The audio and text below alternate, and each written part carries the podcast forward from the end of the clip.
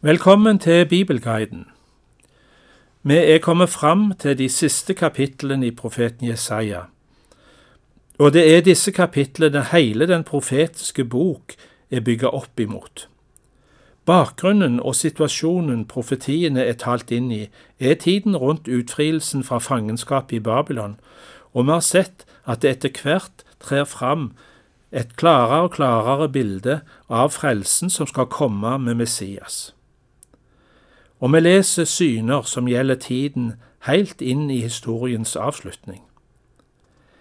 Gjennom sine handlinger med israelsfolket og disse profetier så forkynner Gud frelse, framtid og håp til et folk som sitter i fangenskap i et fremmed land. Vi som leser dette i lys av Det nye testamentet, ser Guds løfter og frelse i vår tid, og bilder av den nyskapelse som skal komme, og som vi ennå venter på. I dag er det kapittel 63 vi skal lese sammen. Og Første avsnitt er igjen et budskap om Guds domshandling overfor de som ikke vil vende om, og ikke vil ta imot ordet fra Gud gjennom profetene. Det blir brukt sterke bilder og beskrivelser for å understreke alvoret i situasjonen, og om mulig å vekke opp de uomvendte til å søke frelse. Men alltid når Guds dom lyder, så står den aldri alene. Sammen med dommen lyder det alltid et tilbud om frelse og redning, slik òg her. Det er jeg som taler i rettferd og har makt til å frelse. De som rammes av dommen, er de som ikke vil la seg frelse. Vi hører versene 1 6 i Jesaja 63. Hvem er han som kommer fra Edom, fra Bosra i røde klær, han med den staselige drakten, han som skrider fram med stor kraft? Det er jeg som taler i rettferd og har makt til å frelse. Hvorfor er drakten din så rød? lik klærne til en som tråkker druer. I vinpressen tråkker jeg alene, ingen av folkene var med meg. Jeg tråkket på dem i min vrede og trampet dem ned i min harme. Saften deres sprutet på klærne mine, hele drakten min ble tilsølt. For jeg hadde hevnens dag i hjertet, året for å løse ut var kommet. Jeg så meg om, det var ingen som hjalp. Jeg undret meg, men fikk ingen støtte. Armen min hjalp meg, og harmen min støttet meg. Jeg trampet folkene ned i min vrede og knuste dem i min harme, og blodet deres lot jeg renne til jorden. Etter denne domsscenen så hører vi at profeten ber for sitt folk, og han minner folket på hvordan Gud har vært med dem gjennom tidene.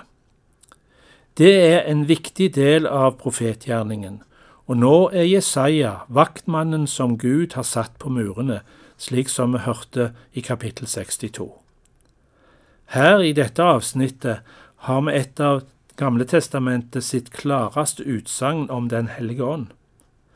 Det var Ånden som gjennom Moses var med de på ferden og førte de inn i det lovede land, og synden gjør Den hellige ånd sorg, kan vi lese. Jeg vil minnes Herrens velgjerninger og lovsynge Herren for alt det Herren har gjort for oss, for alt det gode Han har gjort mot Israels hus i sin barmhjertighet og store kjærlighet. Han har sagt, ja, de er mitt folk, barn som aldri sviker, og han ble deres frelser. I all deres trengsel var det ingen trengsel. Engelen for hans ansikt frelste dem. I sin kjærlighet og medfølelse løste han dem ut. Alltid løftet han dem opp og bar dem i gamle dager. Men de var trassige og gjorde Hans hellige ånd sorg. Så ble han en fiende for dem, han kjempet selv imot dem. Da tenkte folket på gamle dager på Moses. Hvor er han som førte en gjeter for småfeet sitt, opp fra vannet? Hvor er han som ga sin hellige ånd i hans indre? Han som lot sin herlige arm gå fram på høyre side av Moses. Han som kløyvde vannet foran dem for å skape seg et evig navn. Han som lot dem gå gjennom dypene som hesten gjennom ørkenen, de snublet ikke. Lik buskap som går ned i dalen, førte Herrens ånd dem til hvile. Slik ledet du ditt folk for å skape deg et herlig navn. Så i de neste versene og gjennom hele kapittel 64 så går profeten i forbønn for sitt folk. Spesielt er det å se at Gud blir påkalt som vår far. Uttrykket kommer igjen seinere i bønna òg. Kanskje var det fra dette avsnittet at Jesus tok innledningsordene til Fader vår, som han lærte disiplene. Og profetene gjør seg til ett med sine landsmenn og ber, Far, kom tilbake til ditt folk, og vær oss nær med din frelse. Vi leser versene 15 til 19. Se ned fra himmelen, fra din hellige, herlige bolig. Hvor er din lidenskap og din styrke? Ditt dirrende hjerte og din barmhjertighet holder seg tilbake for meg. For du er vår far. Abraham kjenner oss ikke, og Israel vil ikke vite av oss. Du, Herre, er vår far.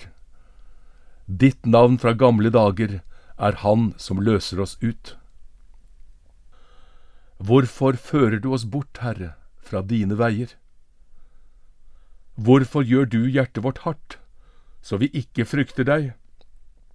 Vend tilbake for dine tjeneres skyld, stammene som er din eiendom. Lite eide ditt hellige folk, våre motstandere tråkket din helligdom ned. Det er som om du aldri hadde hersket over oss, som om navnet ditt ikke var nevnt over oss. I neste utgave av Bibelguiden skal vi fortsette å lese denne forbønnen som profeten ber for sitt folk. Takk for følget og velkommen tilbake.